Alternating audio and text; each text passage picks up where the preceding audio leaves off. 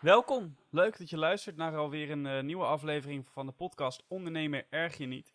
In deze podcast nemen Sander Kruidbos en ik, Hessel van der Wal, je mee in het leven van een jonge of beginnende ondernemer. Nou, we, spre- we bespreken zaken waar wij tegenaan lopen. Veel gaat goed, maar hindernissen horen nou eenmaal bij. En dan kun je je hieraan ergeren of je kiest ervoor om van te leren. Nou, waar krijg je onverwachts mee te maken en wat zijn de grootste blunders? Wij delen onze ervaringen en eh, opgebouwde kennis. En met gelijkgestemde of meer ervaren ondernemers proberen we wat van elkaar te leren.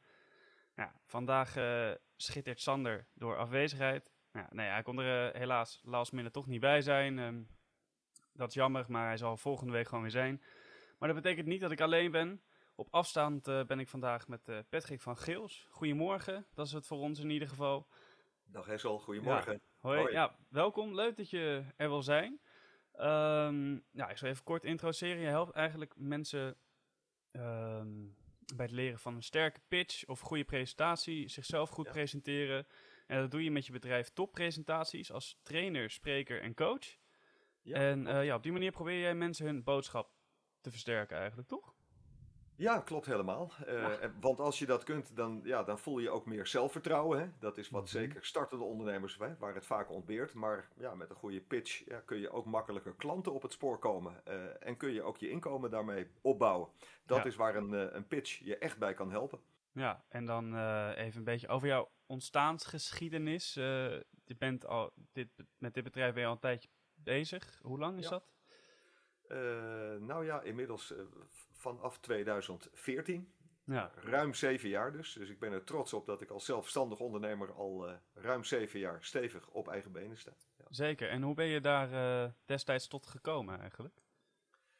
Eh, nou, uiteindelijk verloor ik in 2014 mijn baan. Ik heb ruim 20 jaar in loondienst gewerkt. Ehm, eh, eigenlijk in corporate bedrijven. Grote, superbekende aanmerkbedrijven. Bedrijven met enorm veel klantenaantallen.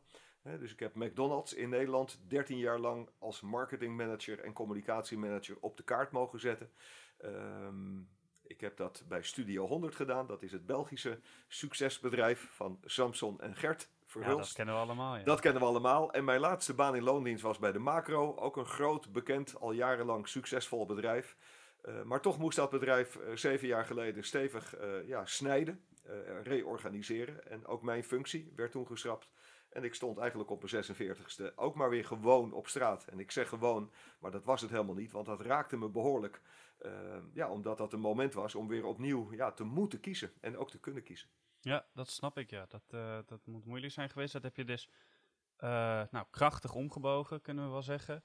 Eh, Ja. ook Ja. Nou ja, omdat je eh, ja, jezelf dus goed weet te, weet te vermarkten, denk ik.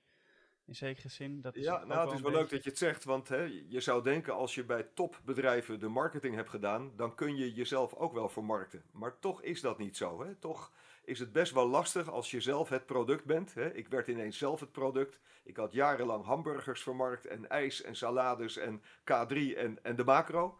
Maar om mezelf op de kaart te zetten, nou, dat was ook best wel een uitdaging. Ja, Ehm, en eh, om het dan maar helemaal eerlijk te zeggen, eh, tot mijn twaalfde had ik een enorme last van in het middelpunt staan. Hè. Dus op de basisschool vond ik het geven van spreekbeurten en opstellen, voordragen. Hè, als iedereen naar me kijkt, eigenlijk altijd bloedspannend.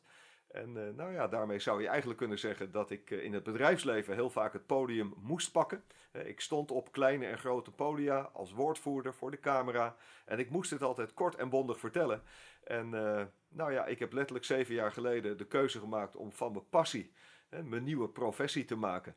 En nou ja, blijkbaar resoneert mijn verhaal op veel startende ondernemers die ja, in mij toch ook wel herkennen de worsteling die ze soms zelf voelen om jezelf te mogen laten zien. Want voor veel mensen is dat toch wel een dingetje, heb ik gemerkt. ja, ja. ja je zegt het al, hè. Het, is, het, is, het is makkelijker om zeg maar een product waar je iets minder persoonlijke binding mee hebt, zoals Ja. een hamburger, eh, te Ja. promoten dan, dan, dan jezelf. Of, of iets wat jij doet, wat jij, wat jij kan, hè, je eigen kwaliteiten naar voren Ja. te schuiven. Dat is zo. En ehm, nou, ja, dat is toch heel belangrijk als je een eigen onderneming hebt. En daarom eh, bespreken we vandaag ook de stelling: je pitch is de basis van je onderneming. Ehm, nou, ik denk dat er ook heel veel andere zaken eh, eigenlijk aan de basis liggen van je onderneming. je gedachtegoed, eh, je, je dienst Ja. die je wil uitdragen. Maar ben vooral benieuwd, wat vind jij hiervan? Uh, ja, het zou bijna een beetje preken voor eigen parochie zijn dat ik zeg: ja, ik ben het eens met die stelling, maar ik ben het. Als zou pitchen en presenteren niet mijn, mijn kerndienst uh, zijn geworden, dan nog zou ik nu na zeven jaar zeggen: ja, dat is zo. Uh, ik heb zeven jaar geleden, Hessel, heb ik in opdracht van de Kamer van Koophandel presentaties gegeven bij de Startersdag. Misschien heb je daar ooit van gehoord, hè? De, de landelijke startersdagen. Kon nou, ik helaas niet aan meedoen. Ja, daar komen duizenden mensen op af en daar vielen eigenlijk twee dingen op. Dat de sessie van de Belastingdienst eigenlijk het, het meest bezocht was. Hè. Dus veel starters zijn heel druk met ja, belasting betalen en hoe gaat dat allemaal. Uh, en de sessie over klanten vinden en klanten binden. En die mocht ik doen, waarbij de pitch een belangrijk onderdeel was. En ik heb daar vooral tegen starters verteld, en ik vertel dat ook vandaag tegen jou en tegen al jullie luisteraars. Uh, dat uh, ja, als je niet vertelt wie jij bent, wat je kunt, Ehm, welke toegevoegde waarde je hebt voor een ander en waarom mensen voor jou moeten kiezen. Ja, hoe, hoe kan de ander dan voor jou kiezen als jij daar zelf geen uiting aan geeft? Hè? Het van binnen naar buiten brengen. Uh, dus ja, die stelling, daar zeg ik echt wel volmondig ja tegen. Uh, ook omdat een pitch niet een soort uh, perfectie hoeft te zijn. Hè? Toen ik begon, de eerste maanden, ja, was ik eigenlijk heel onzeker over van alles en nog wat. Ik vond het ook bloedspannend, want ik had mijn hele leven lang in loondienst gewerkt. Dus ik kreeg iedere maand keurig netjes mijn salaris uh, gestort. En ineens moest ik op nul beginnen, weet je, met nul klanten, nul euro inkomsten. En uh, in die eerste maanden had ik een afspraak bij mijn kapper, waar ik al jaren kwam en nog steeds kom. En ik vertelde eigenlijk heel open en kwetsbaar uh, tegen Annemarie dat ik mijn baan was verloren. En toen zei ze, joh, maar jij bent een kei in communicatie. Dus ze moedigde me eigenlijk aan. En ze zei, je moet voor jezelf beginnen. En, en, en ze vroeg aan mij, zou je dan ook misschien een training kunnen en willen geven voor, voor al mijn medewerkers? Want die kunnen ook het verhaal van deze kapsalon beter pitchen naar bestaande klanten. En waarom vertel ik dit? Omdat, om een lang verhaal kort te maken, uh, zij uiteindelijk mijn eerste betalende opdrachtgever was. En het inzicht wat hier eigenlijk in verstopt zit, is dat de kapperstoel op dat moment mijn podium was achteraf. Ik was aan het vertellen over de situatie waarin ik zat, waar ik van droomde. En doordat we in gesprek waren, ontstond er eigenlijk een commerciële kans. Had ik op dat moment al een perfecte pitch? Nee, maar ik was wel proactief. Ik was wel aan het uiten. En omdat ik proactief was en mijn verhaal aan het vertellen was, al was het nog lang geen perfecte pitch, uh, is daar dus wel een klantcontact en een klant en een opdracht uit voortgekomen. En ik zie veel startende ondernemers die in het begin zich blind staren op de perfecte pitch. Maar dat kan helemaal niet. Uh, want ja, in lijn met jouw stelling is je pitch een ontdekkingsreis. Dat je iedere keer weer mag tunen, naar binnen mag gaan van hé, hey, wat wil ik? Welke woorden geef ik eraan? Hoe reageren andere mensen op die woorden? En zo slijp je eigenlijk dagelijks aan je pitch. Um, ja, en, en hobbelt je pitch eigenlijk met je mee in je eigen ondernemerspad. Ja. Uh, en het voorbeeld van de kapper wat ik net gaf is denk ik eigenlijk het bewijs dat het niet gaat om de perfecte pitch, maar wel om de attitude dat je in gesprek durft te gaan met een ander over wie jij bent. Ja, ja oké. Ja, want ik weet nog, uh, nou, ik ben vorig jaar in januari begonnen uh, voor mezelf. En um, nou, toen kwam ik eigenlijk bij mijn eerste netwerkbijeenkomst. En uh, toen schrok ik een beetje, want ik, ik weet heel goed wat ik, wat ik doe. Ja. Uh, en, en ik denk dat andere mensen daar ook wel tegenaan lopen. Ik weet heel goed wat ik doe, ik weet goed wat ik wil. Maar dan moet je dat even in vijf zinnen uitleggen. Want ja. je hebt niet zoveel de tijd. En dan denk je, oh ja, nee. ja wat, wat is dat nou precies? Want, ja. ja. Ja, ik heb, op, ik, ik heb tijdens mijn studie wel eens een keer een pitch ge geschreven of zo. Ja, ja, het is toch, toch even zoeken van, van hoe verwoord je dit nou het best? Precies. En uh, ja, dat is helemaal raak wat jij zegt. Dus pitchen is denk ik ook niet alleen het proces van het aan anderen vertellen. Pitchen is ook, ook de kant van dat je je eigen woorden uh, op, op een rij krijgt. En, en dat, je, dat je daar helderheid ook in weet te creëren. En, en door het daarna veel te gaan uiten, ga je feedback krijgen van anderen. En dan merk je hoe mensen daarop reageren. En uh, nou, zo heb ik de afgelopen jaren eigenlijk uh, meer dan 25.000 mensen in, in coaching, in training, maar ook in public speaking mogen inspireren over hoe leuk het is uh, als je je verhaal mag vertellen, als je jezelf mag presenteren en mag pitchen. Terwijl heel veel mensen denken dat is niet leuk en dat is moeilijk en dat is spannend. Maar ik wil eigenlijk de wereld laten weten. Het is leuk om te doen. Dat kun je hartstikke ontspannen vanuit authenticiteit. En ja, daar is eigenlijk een soort zesstaps formule uit ontstaan. Die ik nu eh, ook letterlijk op papier aan het zetten ben. Ik ben er een boek over aan het schrijven. Ja. Om nog meer mensen te inspireren dat als je duidelijk, helder, maar ook aanstekelijk. Hè, dat is ook belangrijk. Het gaat niet alleen om duidelijk zijn. Het gaat niet alleen om, om, om helder zijn. Maar het gaat er ook om dat je iets ja, aanstekelijk kan vertellen. Zodat de ander je gewoon nooit meer vergeet. Nee, en, en wat is dan, zeg maar, omdat eh aanstekelijke, dat is vooral wat gaat zorgen dat je, dat je blijft hangen, denk ik vooral, hè? dat je Ja, eruit springt. Wat is nou iets wat je dan kan doen om je pitch dan, ja, zogeheten, aanstekelijk te maken? ja, ja. Eh, nou ja, kijk, uiteindelijk. ehm, de luisteraars kunnen het nu niet zien. Maar het, het, het, het symbool wat ik eigenlijk heb gekozen toen ik eh, zeven jaar geleden voor mezelf startte. Is een, eh, is een item. en dat is de zeepkist. Weet je wat een zeepkist is? Dat is een klein kratje waar je mentaal op mag staan om je verhaal te vertellen. Waarop je zichtbaar wordt. Ehm, en dat kratje is eigenlijk mijn symbool geworden, een onderdeel van mijn eigen branding. En, eh, de, en ik zeg wel eens, de zeepkist is het kleinste podium van Nederland. Het is het podium wat iedere startende ondernemer ja, met zich mee mag dragen. Mentaal met zich mee mag dragen om ja, niet te bescheiden te zijn, maar vooral jezelf durven laten te zien en te horen. En de eerste vier letters van dat woord zeepkist is het woord zeep. Ja, dat dacht ik al, En- ja. En wat bedoel ik daarmee? Eh, jouw vraag over aanstekelijkheid. Eh, in die vier letters zeep, Z-E-E-P, zit eigenlijk het antwoord op jouw vraag. Kijk, het is als je ondernemer bent belangrijk om te etaleren dat je de set van zin, dat je er zin in hebt. Ach, als jij kraak nog smaak een verhaal vertelt, nou dan zal een ander je snel vergeten en het nooit bij jou willen kopen. Dus de zet van zin. Laat zien en horen dat je er zin in hebt. Dat zit al in je mimiek. Hoe kijk je als je het vertelt? Dat is al een vorm van aanstekelijkheid. En ik zeg niet dat je altijd maar met een big smile tegenover de ander moet staan, maar wees je bewust hoe je kijkt en wat je uitstraalt. Eh, de tweede letter, de E. De E van enthousiasme.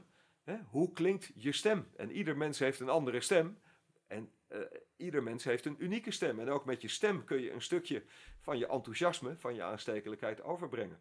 Nou, de, de volgende letter, de E van energie. Eh, veel mensen hebben handen. Iedereen heeft handen, maar veel ondernemers ja, verstoppen die handen. Maar als je in gesprek bent met een ander, ja, dan mag je die handen ook de ruimte geven. Hè? Daar zit ook een soort van enthousiasme en aanstekelijkheid in. En de laatste letter, de P, staat voor passie. En ik weet zeker, ook iedere luisteraar, iedere startende ondernemer die nu luistert, eh, begint een bedrijf of is een bedrijf beginnen vanuit een bepaalde passie, vanuit een bepaald enthousiasme. En dat mag je de wereld voelbaar maken. Laten voelen dat jij daarop aangaat. Want als jij er enthousiast over bent, ja, dan weet je die vonk ook over te brengen. En daarmee zeg ik ook wel eens hè, met deze vier woorden: zin, energie, enthousiasme en passie, het woord zeep. Dat goed pitchen vooral ook is dat je de ander kunt, ja, inzepen.